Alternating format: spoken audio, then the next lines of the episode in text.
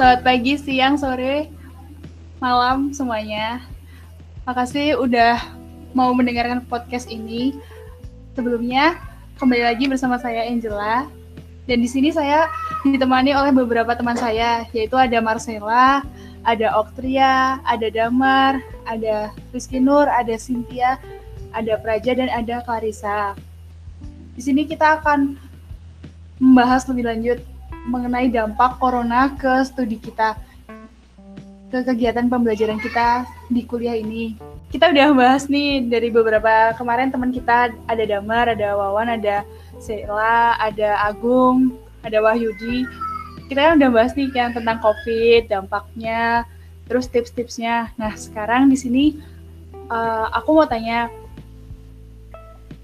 dampaknya COVID ke pembelajaran kalian tuh gimana sih?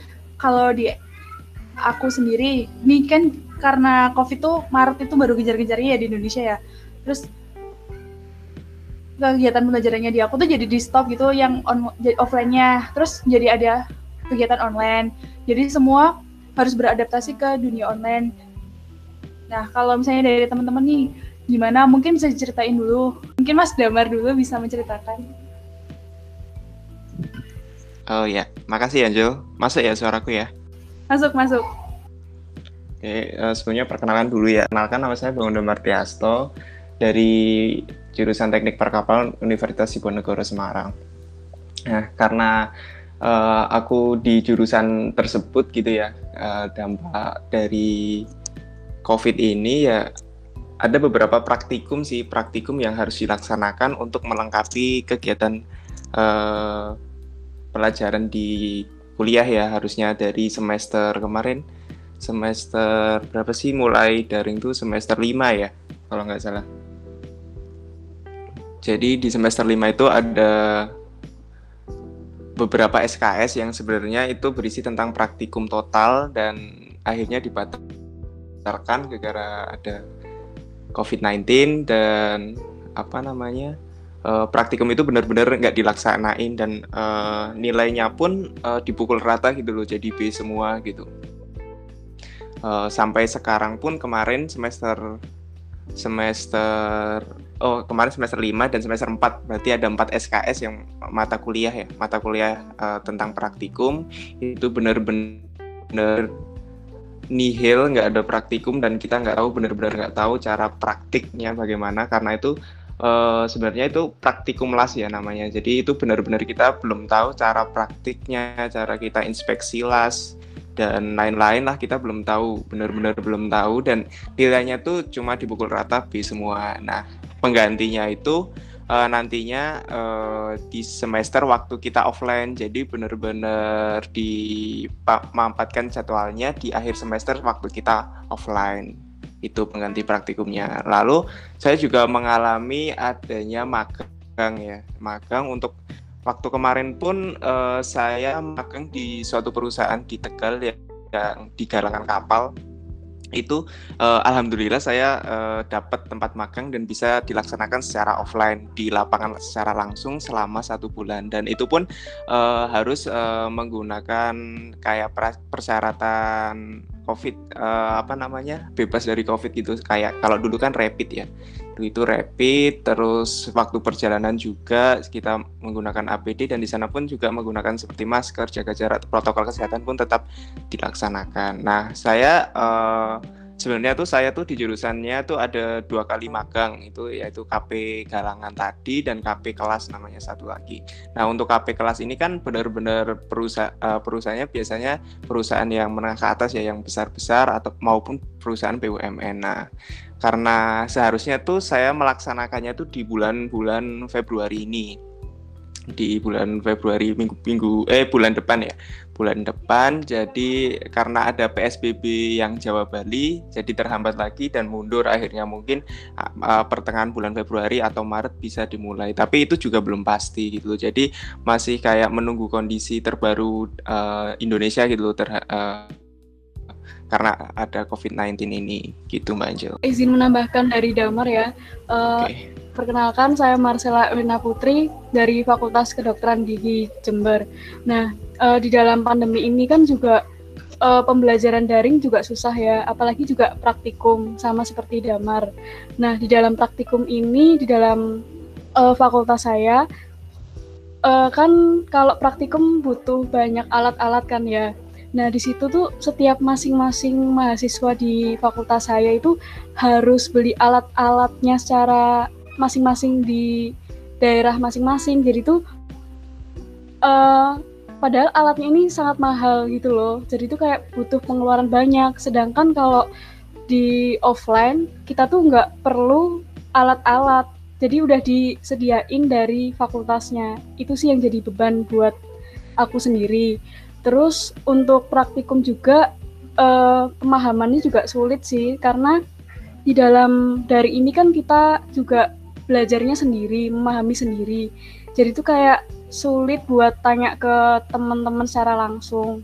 Sehingga tuh kayak daya serap sama pemahamannya tuh susah sih. Apalagi juga beli alatnya tuh mahal banget.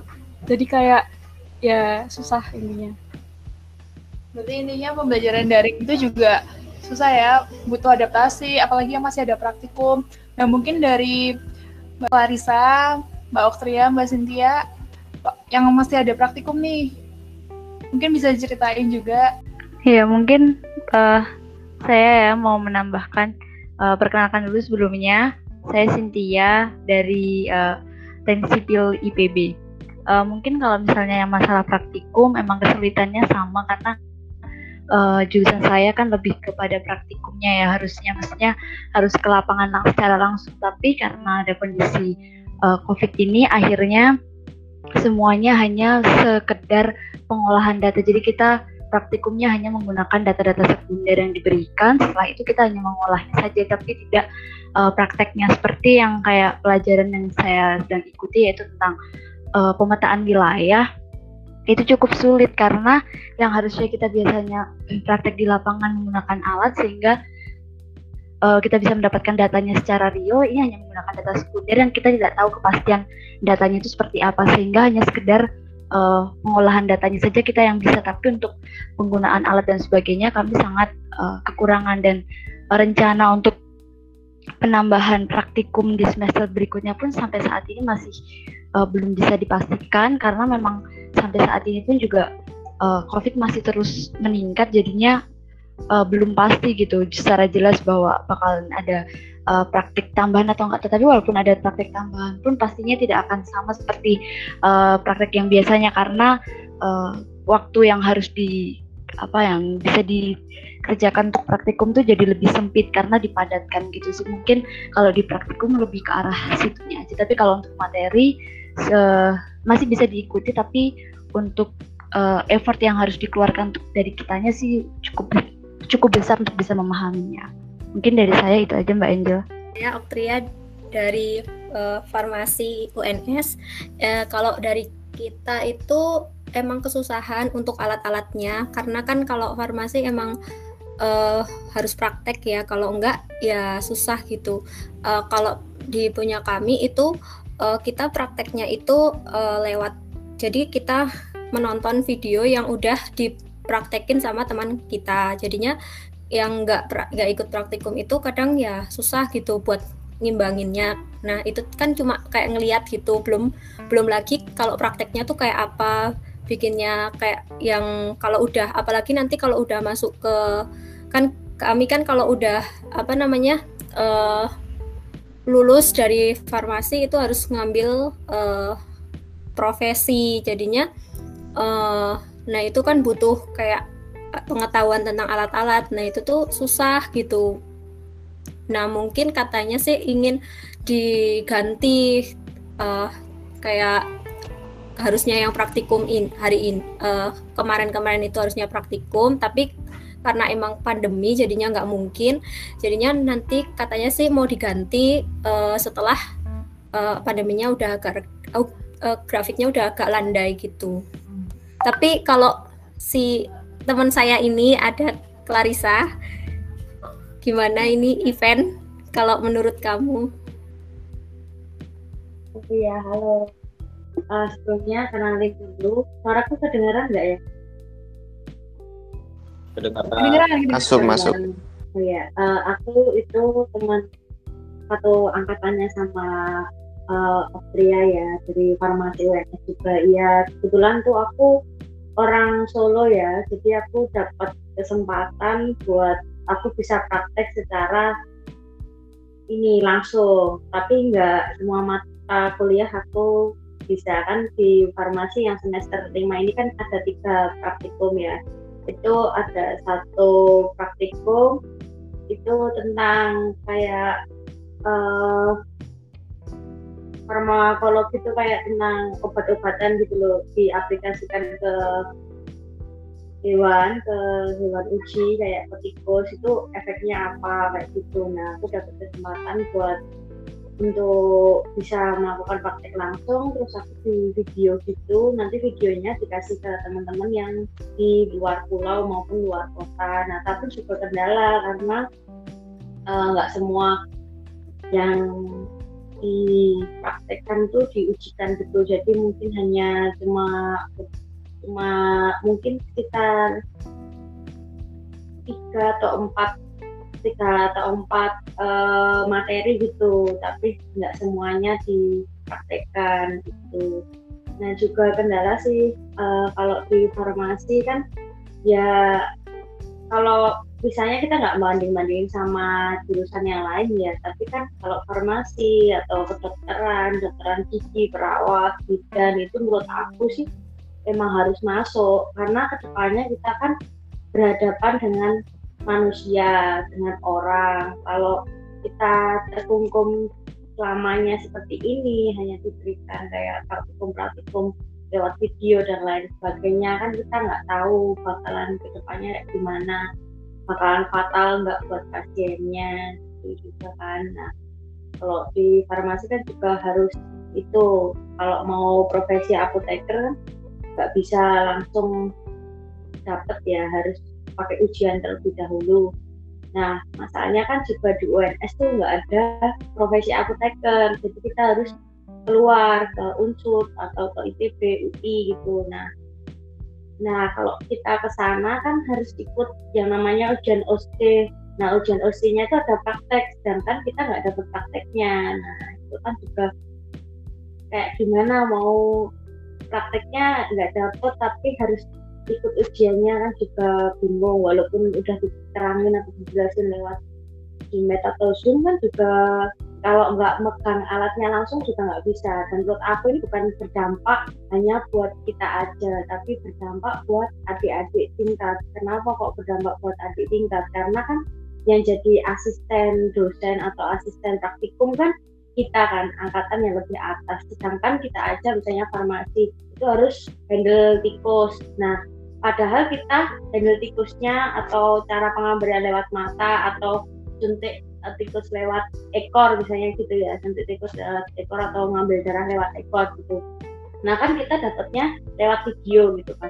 Nah kalau misalnya semester depan udah diizinkan masuk sedangkan kakak kelas kita udah wisuda nih kan otomatis kita yang harus ngajarin ke adik-adik. Nah kita sendiri aja nggak dapat bagaimana kita mau ngajarin ke mereka gitu loh. Nah juga itu dampaknya bukan buat kita aja tapi juga buat mereka. Mereka juga kasihan karena kita nggak dapat skill kita nggak bisa ngajarin mereka gitu sih kalau buat aku. Juga nih. Kalau misalnya kita aja sebagai kakak tingkat aja belum dapat kita mau ngajarin adik tingkat kita gimana gitu ya? Sekarang coba kita dengerin ini dari Mas Praja. Mas Praja masih ada praktikum nggak Mas Praja?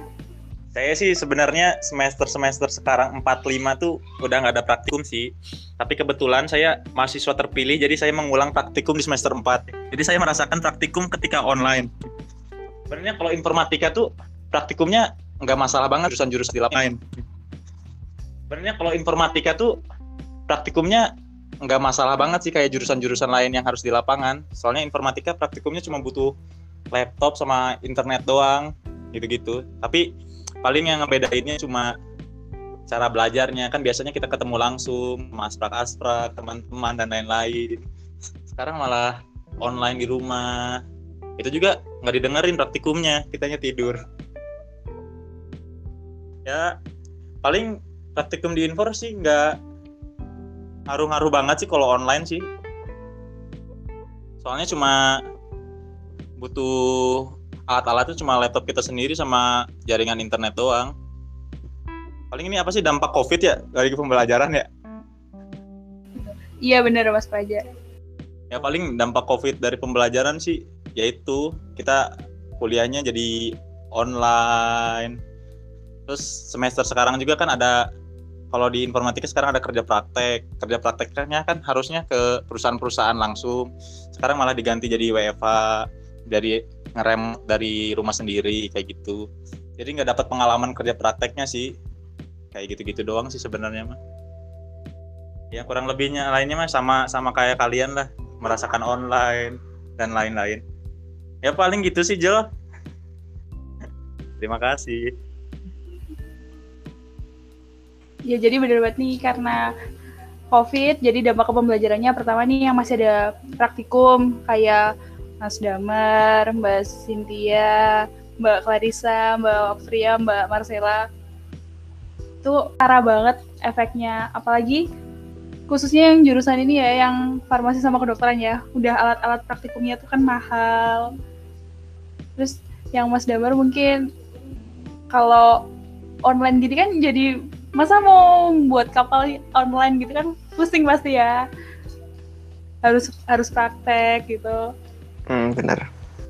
Nah sekarang nih ada nggak sih di deket kalian atau mungkin saudara kalian atau teman kalian sahabat kalian tetangga kalian yang mungkin kena covid atau dicurigai? Orang itu positif covid. Atau yang bapak ibunya di medis Uh, ya mungkin saya uh, akan sedikit cerita. Uh, menurut cerita dari orang tua saya, uh, orang tua saya kan kerja di rumah sakit di bagian laboratorium. Uh, semenjak uh, pindah di rumah sakit yang sudah banyak pasien COVID-nya, itu setiap ruangan di dalam rumah sakit itu tuh sebanyak sekitar 70 kamar itu uh, sudah full semua sama pasien COVID jadi tuh uh, jika orang tua saya pulang ke rumah pasti cerita kan gimana gimananya uh, pasiennya gimana itu tuh rata-rata pasien COVID dari rumah sakitnya itu rata-rata gejalanya ringan sih. Jadi kayak masih tetap mereka tuh kayak kalau dilihat tuh masih sehat-sehat aja gitu loh. Terus ada juga pasien yang dari pendatang dari luar daerah, misalnya dari Surabaya. Dia ke Purworejo itu uh, karena ingin pergi ke keluarganya. Nah, waktu cek uh, COVID di rumah sakit ternyata dia positif. Terus ternyata gejala-gejalanya tuh kayak muntah darah gitu kan. Uh, waktu sebelum detik-detik dia sudah meninggal, kan ngobrol sama perawat. Kayak ngobrol biasa sih, sehat-sehat aja. Terus tiba-tiba udah uh, tiba-tiba udah nggak ada. Habis itu kan dikirim ke Surabaya kan tempat asalnya.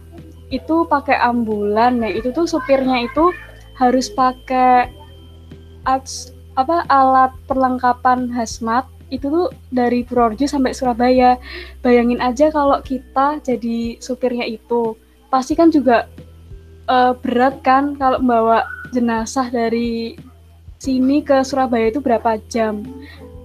Jadi kayak bayangin aja kalau tenaga medis tuh emang berat banget gitu loh. Soalnya orang tua aku juga waktu pergi eh waktu pulang ke rumah gitu pasti sebelum pulang itu mandi dulu di rumah sakit terus ganti baju lagi ganti baju lagi. Jadi tuh kayak emang bener-bener capek sih.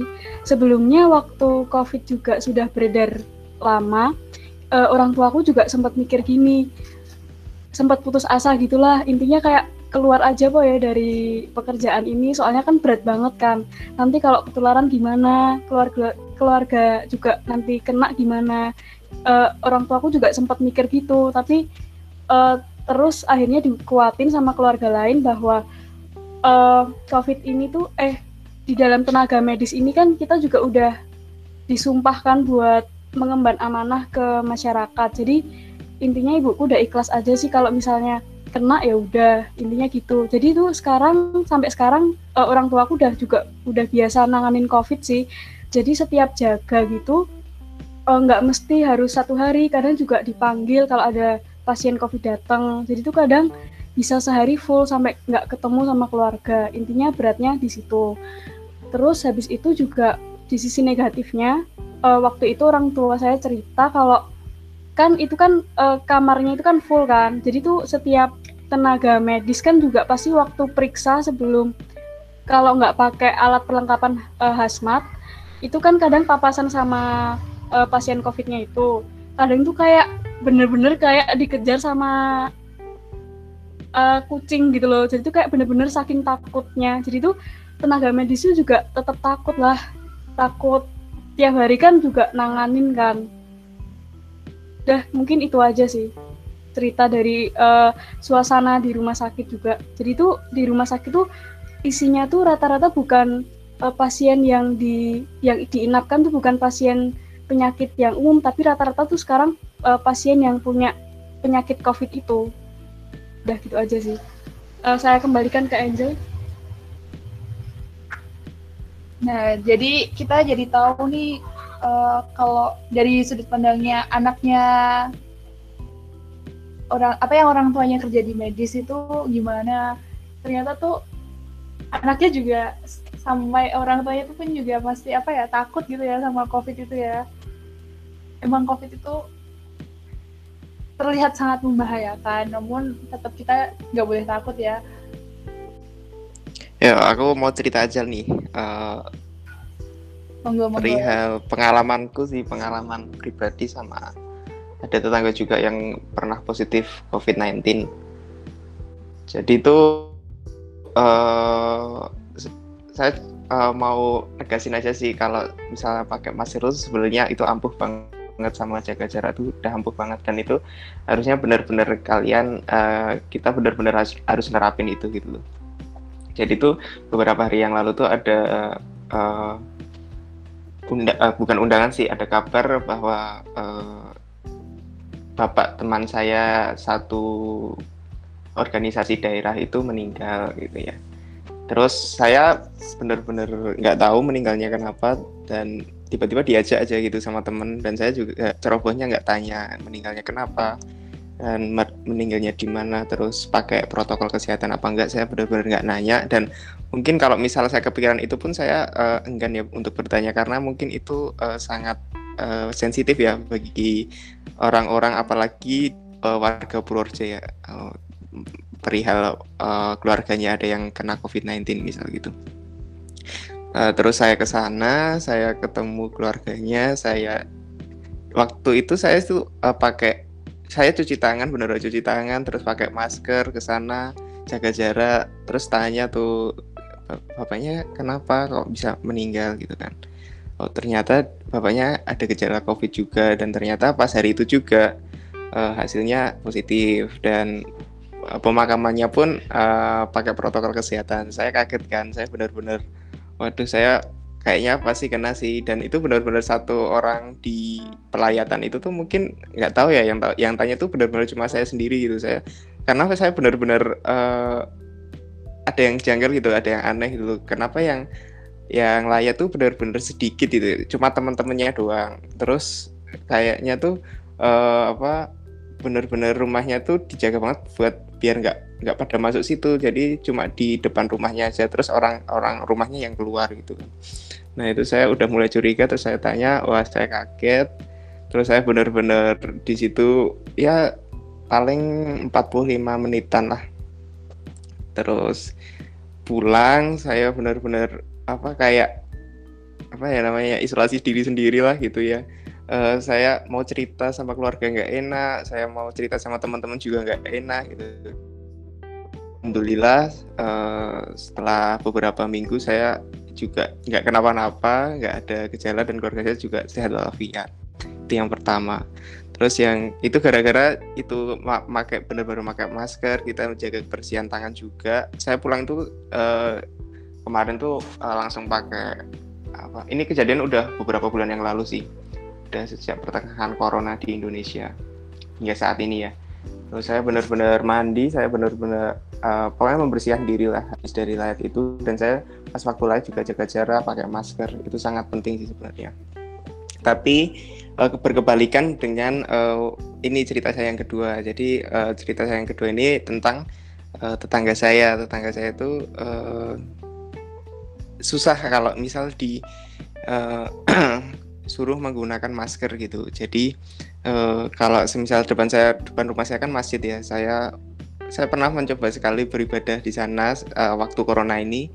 Uh, terus yang ternyata yang pakai masker tuh saya doang gitu. Yang lainnya tuh nggak pakai nggak pakai masker waktu ibadah dan Nah, itu nggak kayak waktu Jumatan. Saya Jumatan tapi di beda masjid gitu. Di beda masjid itu benar-benar pakai protokol kesehatan pakai masker jaga jarak lantainya ditandain uh, benar-benar dijagalah uh, protokol kesehatannya. Tapi berbeda dengan uh, masjid depan rumah saya itu malah orang yang pakai masker tuh kayak di omongin di belakang gitu kenapa sih pakai masker juga orang tetangga tetangganya sendiri gitu kan. Tapi kan kita nggak tahu. Nah tiba-tiba waktu uh, kemarin tuh ada yang ada kabar uh, salah satu tetangga saya tetangga dekat saya juga jemaah salah satu masjid salah satu jemaah masjid depan rumah saya.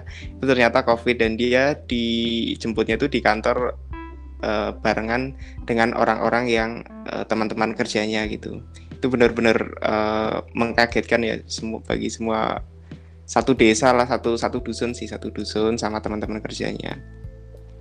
Ternyata dia COVID dan dia yang OTG orang tanpa gejala. Uh, setelah itu orang tanpa gejala dia habis di rumah sakit dia dikembaliin lagi nih di rumah di rumahnya sendiri terus dia tuh disuruh isolasi mandiri. Kita benar-benar nggak tahu posisi keluarganya itu anaknya istrinya itu positif atau negatif COVID-19 saya juga nggak tahu itu tapi yang saya tahu tuh saya yang tahu itu eh, kepala keluarganya itu tetangga saya itu yang bapaknya yang kerja di kantor tersebut itu positif dan kembali lagi dikembaliin di rumahnya suruh isolasi mandiri. Terus selama beberapa waktu benar-benar di masjid itu kayak udah nggak ada ibadah juga. Tapi setelah kejadian satu minggu kejadian itu ada ibadah tapi eh, orang-orang uh, udah pakai masker tuh. Satu jemaah pakai masker terus uh, setelah 10 hari karantina dinyatakan udah nggak ada gejala dan di tes lagi dia negatif alhamdulillah terus ya kembali lagi ke keadaan biasa nggak pakai masker lagi orang-orang masih tidak pakai masker lagi dan kayak kepedulian tentang covid itu cuma ada waktu orang tuh benar-benar ada yang kena covid. Jadi itu orang Indonesia tuh kayak gimana ya kayak telat banget gitu loh kalau misal mau menerapkan protokol kesehatan. Waktu waktu ada orang sakit kok dia uh, menerapkan protokol kesehatan tapi malah dia nggak mau mencegah penyakit itu datang ke dia sendiri gitu. Ya itu pengalaman dari saya sih pengalaman pribadi dan uh, menurut sudut pandang saya juga gitu Jel. Berarti dari kitanya harus apa ya sebagai kita sebagai generasi muda generasi milenial kita harus ngingetin lah minimal tindakan preventif kayak pakai masker kalau keluar rumah gitu-gitu itu ya karena ya, emang bener.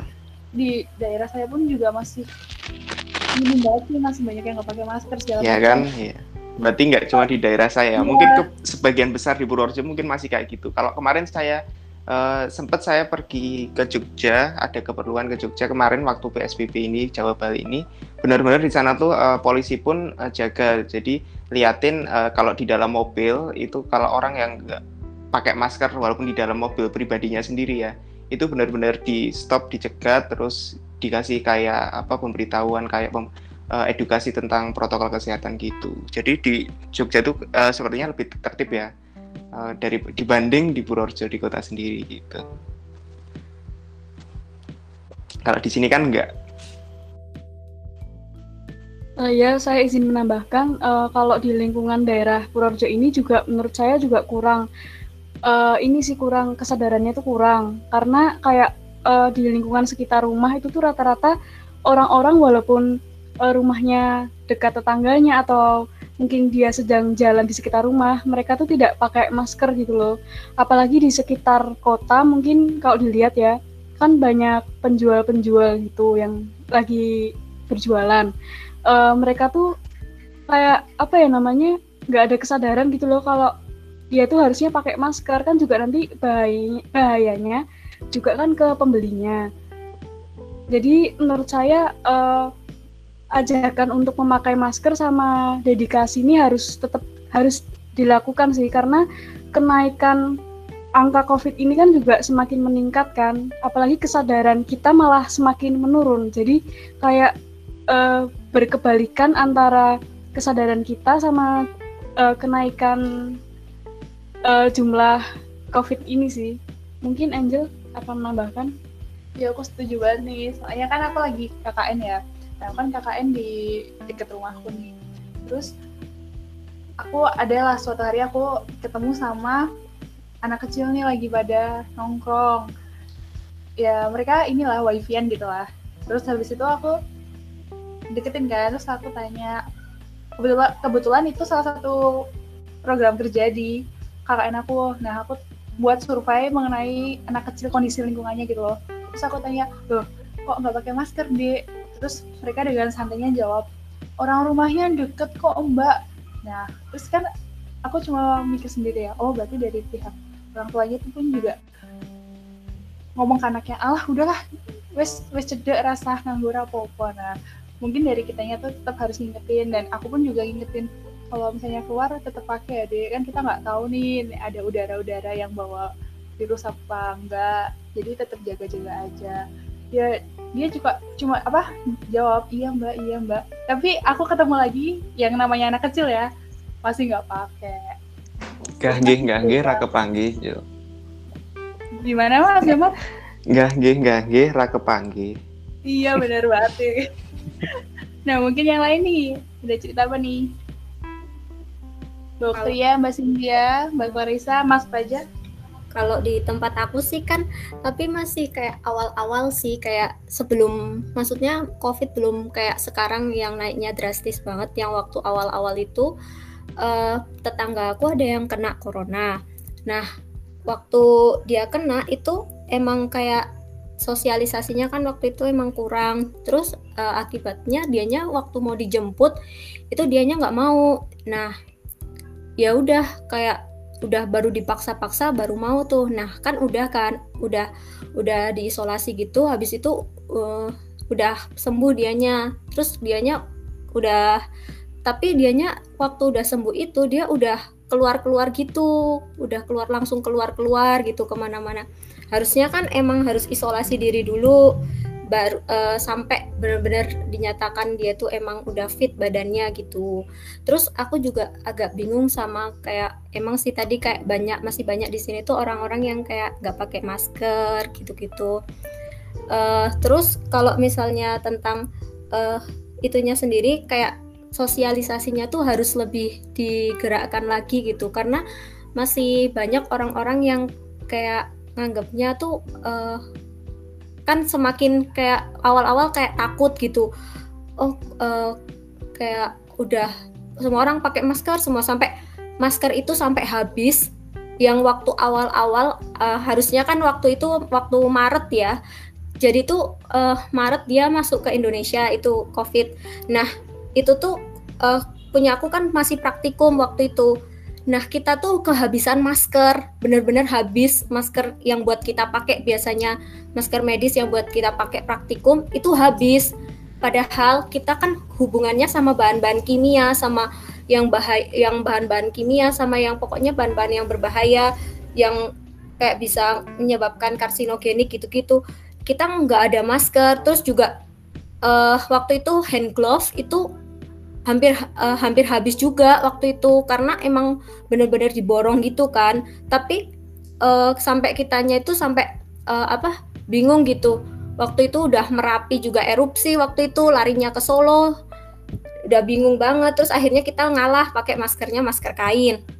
Sampai uh, waktu itu uh, baru disosialisasikan kalau misalnya masker kain itu boleh nggak apa-apa bisa mencegah kayak uh, dia tuh emang nggak bisa setam, set, setangguh kayak masker yang uh, N95 itu yang khusus buat uh, COVID gitu kan sama masker yang medis nggak nggak nggak sebagus itu. Cuman uh, setidaknya kan dia bisa mengurangi dari uh, kalau kita ngomong itu kan ada kayak percikan-percikan itu kan. Nah itu tuh bi bisa mengurangi kata katanya sih gitu. Terus uh, setelah disosialisasikan itu jadinya semua udah pakai masker yang udah pakai masker yang uh, semuanya udah udah pakai masker yang itu nggak berebutan. Nah, tapi kalau misalnya uh, sekarang ini malah kebalikannya kayak dulu. Jadi kayak awal-awalnya tuh udah kayak uh, excited banget, kayak udah siap banget. Tapi eh, akhir-akhirnya sekarang malah kayak udah uh, di udah nggak seketat dulu, malah kayak bebas gitu ke mana-mana masih banyak berkeliaran kayak gitu. Itu sih kayak harus nambah sosialisasinya lagi sih kalau menurut aku. Kalau bisa gimana? Event ya sih aku setuju sama uh, ya. Jadi uh, waktu awal-awal pandemi itu benar-benar kayak masker kan suatu hal yang sangat berharga mungkin lebih berharga daripada uang kita sendiri ya. Uang kita semuanya dikerahkan ke masker ke alat-alat yang uh, medis gitu ya. Nah uh, terus ada suatu ketika tuh iya sih merapi erupsi terus habis merapi erupsi itu uh, abunya itu anginnya tuh kena ke Solo gitu loh pada saat itu. Terus tapi pada saat itu tuh uh, waktu setelah erupsi terus anginnya ke Solo tuh tapi waktu itu tuh juga awal-awal pandemi jadi maskernya udah pada habis terus udah nggak ada masker apa-apa terus aku ke tempat toko-toko gitu maskernya sudah pada habis padahal pada saat itu tuh uh, lumayan tebel gitu loh uh, abunya yang dari Merapi ke Solo itu. Terus kalau di rumahku di daerah kampungku sih juga ada yang COVID, ada yang corona, ada yang terkena tetangga sendiri. Ya tapi dia juga kurang edukasi gitu kurang edukasinya kenapa karena sampai sekarang walaupun dia udah uh, negatif hasil swabnya tapi dia itu malah nggak pakai masker terus jalan ke mana-mana gitu. Padahal kan dia udah terkena covid. Harusnya kalau dia udah pernah terkena covid kan dia punya kesadaran diri pakai masker kayak gitu ya. Tapi si orangnya ini malah kayak uh, ngebawa santai terus dia kayak bilang kalau dia tuh sebenarnya nggak covid tapi dia di covidin terus dia kayak uh, aku tuh covid gara-gara rumah sakit yang ingin dapat uang dan lain sebagainya. Terluput dari kita nggak mempedulikan apa yang terjadi di rumah sakit ya. Kita nggak peduli misalnya ternyata emang beneran rumah sakit terlicik itu gitu ya. Misalnya itu jadi permainan bisnis. Tapi kan satu hal yang perlu kita ketahui adalah uh, kita harus mencegahnya. Kita harus pakai masker gitu kita nggak peduli oh ternyata ini jadi bagian bisnis atau jadi uh, emang hal itu terjadi buat ngumpulin uang yang lebih banyak tapi kan kita tetap harus jaga diri kita sendiri. Nah dia tuh kayak merasa bahwa dia ditipu oleh rumah sakit akhirnya dia tidak memakai masker sampai sekarang tuh dia juga tidak memakai masker. Dan suaminya juga gak pakai masker dia juga gak pakai masker. Jadi yang kena tuh suami istri itu dia nggak pernah pakai masker. Dan kebetulan tuh banyak dari yang tetanggaku itu uh, meninggal karena covid itu banyak gitu loh.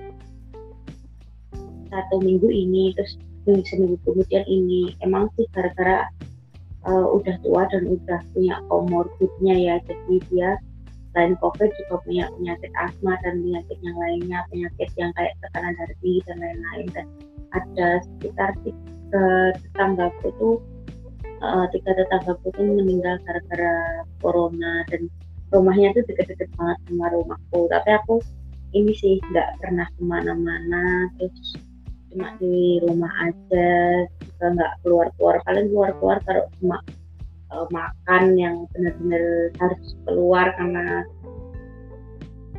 harus makan di luar karena ada apa kepentingan. Tapi kalau nggak ada kepentingan juga benar-benar cuma di rumah nggak ke mana-mana kan sekarang enak ya udah handphonenya udah canggih kita bisa nonton drakor sepuasnya atau kita bisa explore apa pun lewat handphone kita kita nggak usah pergi pergi ke mana-mana gitu. Nah kalau di kampung itu juga banyak yang kurang kesadarannya jadi dia misalnya ini ada mobil sayur dekat rumah uh, ke kampungku gitu ya mobil sayurnya ini. Nah itu kan ibu-ibu pada biasanya kan datang ke ngumpulin ke uh, ngumpul di mobil sayurnya. Nah mereka itu nggak punya kesadaran mereka nggak pernah pakai masker. Padahal kan ya walaupun di mobil sayur cuma sebentar mungkin ambil bahan pokok ini bahan pokok ini tapi mereka kan ada kontak terus nggak social distancing kan. Ya tahu sendiri ya itu itu kalau udah kumpul ngobrolin segala macam jadi mereka nggak pakai masker. Nah itu mungkin salah satu yang menjadi kendala kenapa di kampung itu banyak banget yang terkena corona. Karena uh, yang namanya aja kampung terus orangnya nggak punya kesadaran diri. Nah sekarang pada berjatuhan sakit corona dan juga ada kayak istilahnya uh, kita nunggu giliran untuk kita kena. Tapi jangan sampai keluarga kena sih. Tapi kayak istilahnya kita nunggu giliran untuk kena. Karena ya gimana? Karena nggak banyak yang sadar. Aku sih uh, bisa lebih sadar tapi juga nggak tahu caranya gimana. Karena Pak RW itu juga baru aja meninggal gara-gara corona. Jadi istilahnya yang mengedukasi juga meninggal gimana ya, semoga kampungku uh, lebih ini ya maksudnya ke depannya kasus-kasusnya udah mulai mereda soalnya di Solo emang banyak banget sih kasus covid nih ya sampai kalau teman-teman tahu benteng Westernburg benteng yang dekat uh, kayak pusat kota di Solo itu sampai mau didiriin rumah sakit khusus corona.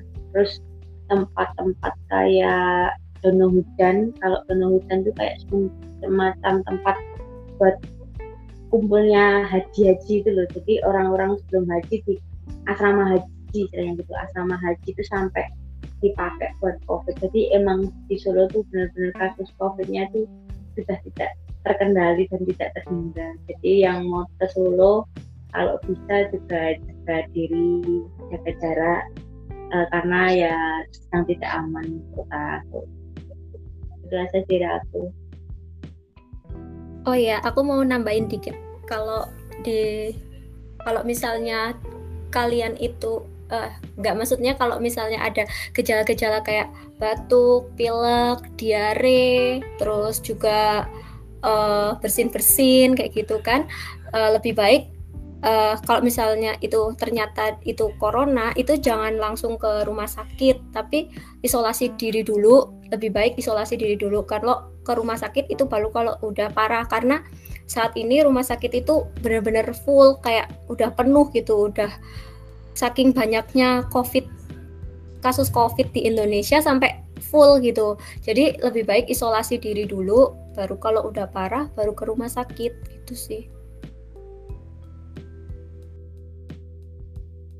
Mungkin uh, aku mau menambahkan aja ya yang udah disampaikan sama teman-teman semuanya kan kayak tentang kondisi uh, di Indonesia sekarang kayak apa terus tapi apa yang udah dilakukan pemerintah upaya untuk memberikan edukasi pun sebenarnya kalau aku yang perhatikan sebenarnya udah cukup banyak dan sebenarnya udah disebarluaskan uh, ke berbagai daerah ya. Tapi sayangnya mungkin kondisi yang terjadi di lapangan berbeda gitu loh sama apa yang sebenarnya diharapkan dari pemerintah itu sendiri. Bagaimana kesadaran masyarakatnya itu sangat rendah. Apalagi kalau saya lihat di uh, sekitaran rumah saya pun emang sama kondisinya seperti kayak di sekitaran rumahnya Damar, Oktria mungkin itu sama. Jadinya mereka menganggap uh, COVID itu hal-hal yang sepele atau nggak berbahaya. Tapi kalau berdasarkan apa yang kemarin saya dengar dari uh, keluarga saya sendiri yang ada di Depok waktu itu dia juga terkena COVID dan akhirnya dia harus mengisolasi mandiri.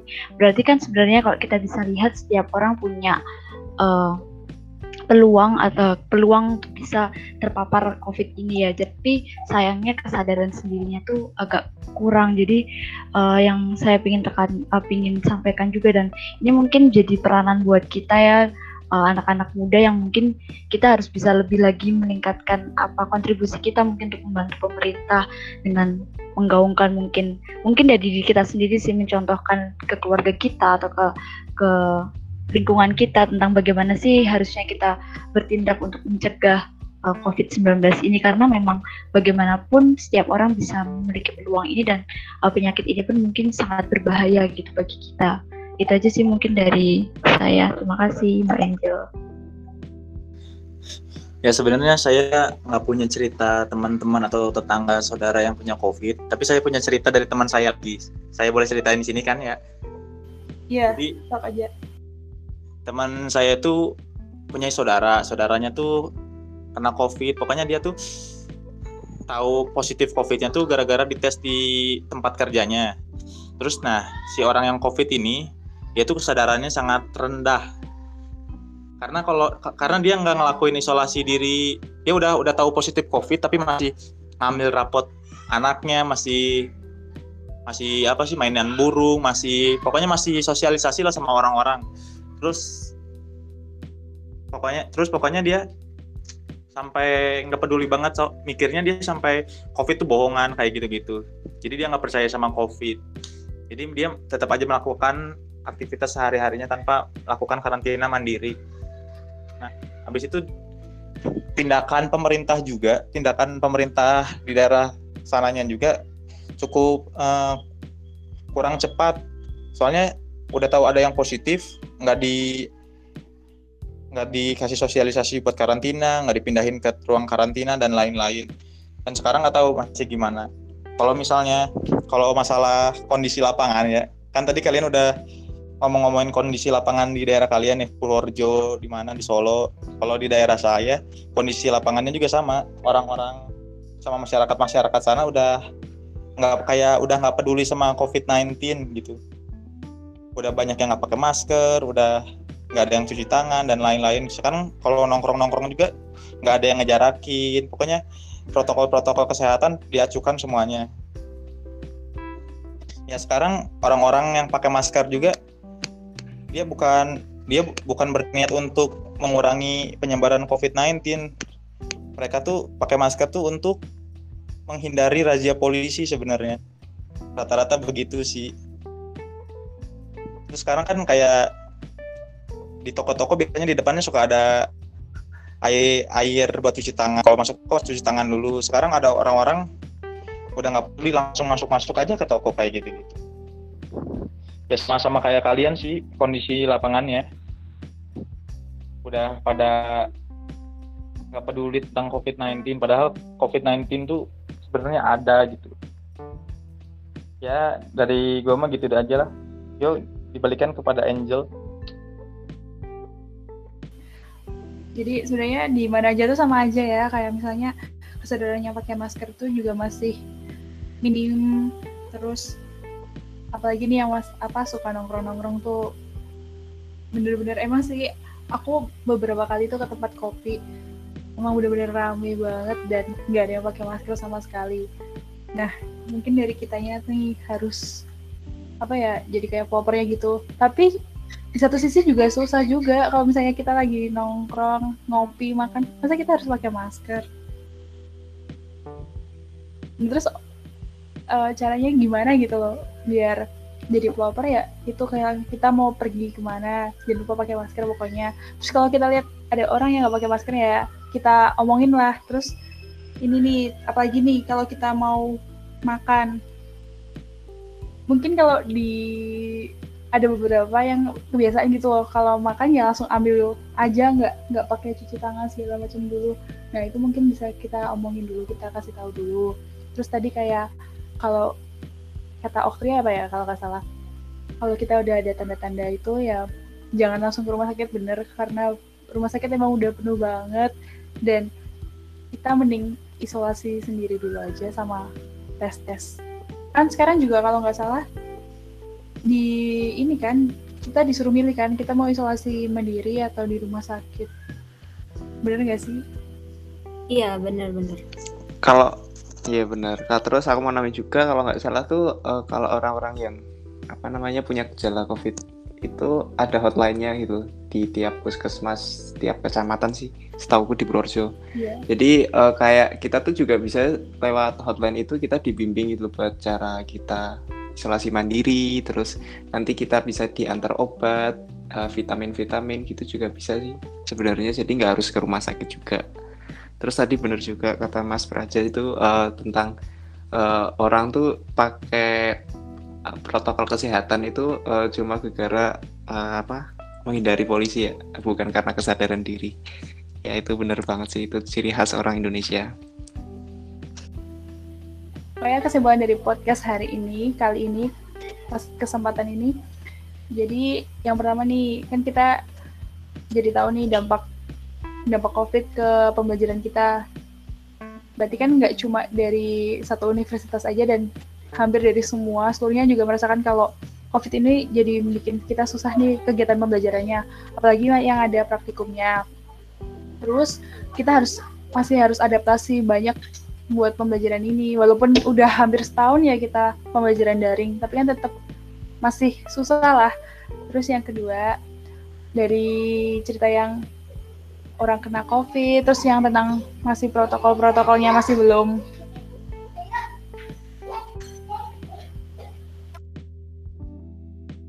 yang protokol masih belum ditaatin benar-benar itu ya kita dari kita sendiri aja lah. Kita harus dari diri kita sendiri aja kita harus patuhin dulu. Kalau misalnya kita mau ngingetin orang lain tapi kita enggak kan sama aja. Terus ya apalagi mungkin yang mau ditambahin dari kesimpulannya? Oh iya kalau ada gejala jangan langsung panik jangan langsung ke dokter jangan langsung ke rumah sakit ya kita tes dulu. Sekarang kan rapid di mana-mana udah ada kan ya. Terus kita chat itu yang tadi Mas Dabar bilang di hotline-nya itu kita bisa tanya. Kita juga bisa konsul-konsul online dulu sama dokter. Toh gejalanya kan juga belum pasti nih kita covid beneran apa enggak. Ada yang lain oh, iya. mungkin? Mau nambahin? Ya, kalau misalnya udah vaksin gitu. Kan sekarang udah ada vaksinnya nih udah ada vaksin gitu. Jangan langsung keluar keluar karena vaksin karena uh, vaksin itu kan belum tentu nggak langsung nggak lang maksudnya dia nggak langsung membentuk sistem imun kita kan. Jadi dia ada prosesnya dulu baru dia bisa uh, memberikan kekebalan di dalam tubuh kita gitu. Jangan langsung kalau misalnya udah divaksin ah aku udah divaksin nih jadi berarti aku udah kuat nih imun imun tubuhku. Berarti aku bisa langsung main keluar keluar ye nggak usah pakai masker. Ya jangan kayak gitu gitu kan. Jadi ya tetap harus pakai masker jaga kebersihan. Ya paling 3M itu sih yang biasanya itu yang jaga jarak cuci tangan pakai masker gitu. Ya betul betul. Walaupun misalnya kita udah vaksin tapi tetap kita jangan seenaknya sendiri. Tetap 3M cuci tangan, jaga jarak, dan pakai masker.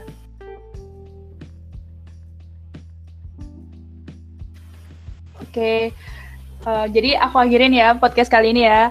Terima kasih buat yang udah dateng, buat udah yang mau ngisi podcast ini dari Mbak Clarissa, Infanka, Mbak Oktria, Mbak Cynthia, Mas Damar, Mas Praja, dan Mbak Marcela. Terima kasih atas waktunya udah mau ikutan gabung bikin podcast ini. Jangan kapok, jangan nggak mau lagi diajak gitu ya. Oh iya terima kasih. Semoga sukses terus, sehat-sehat terus semuanya.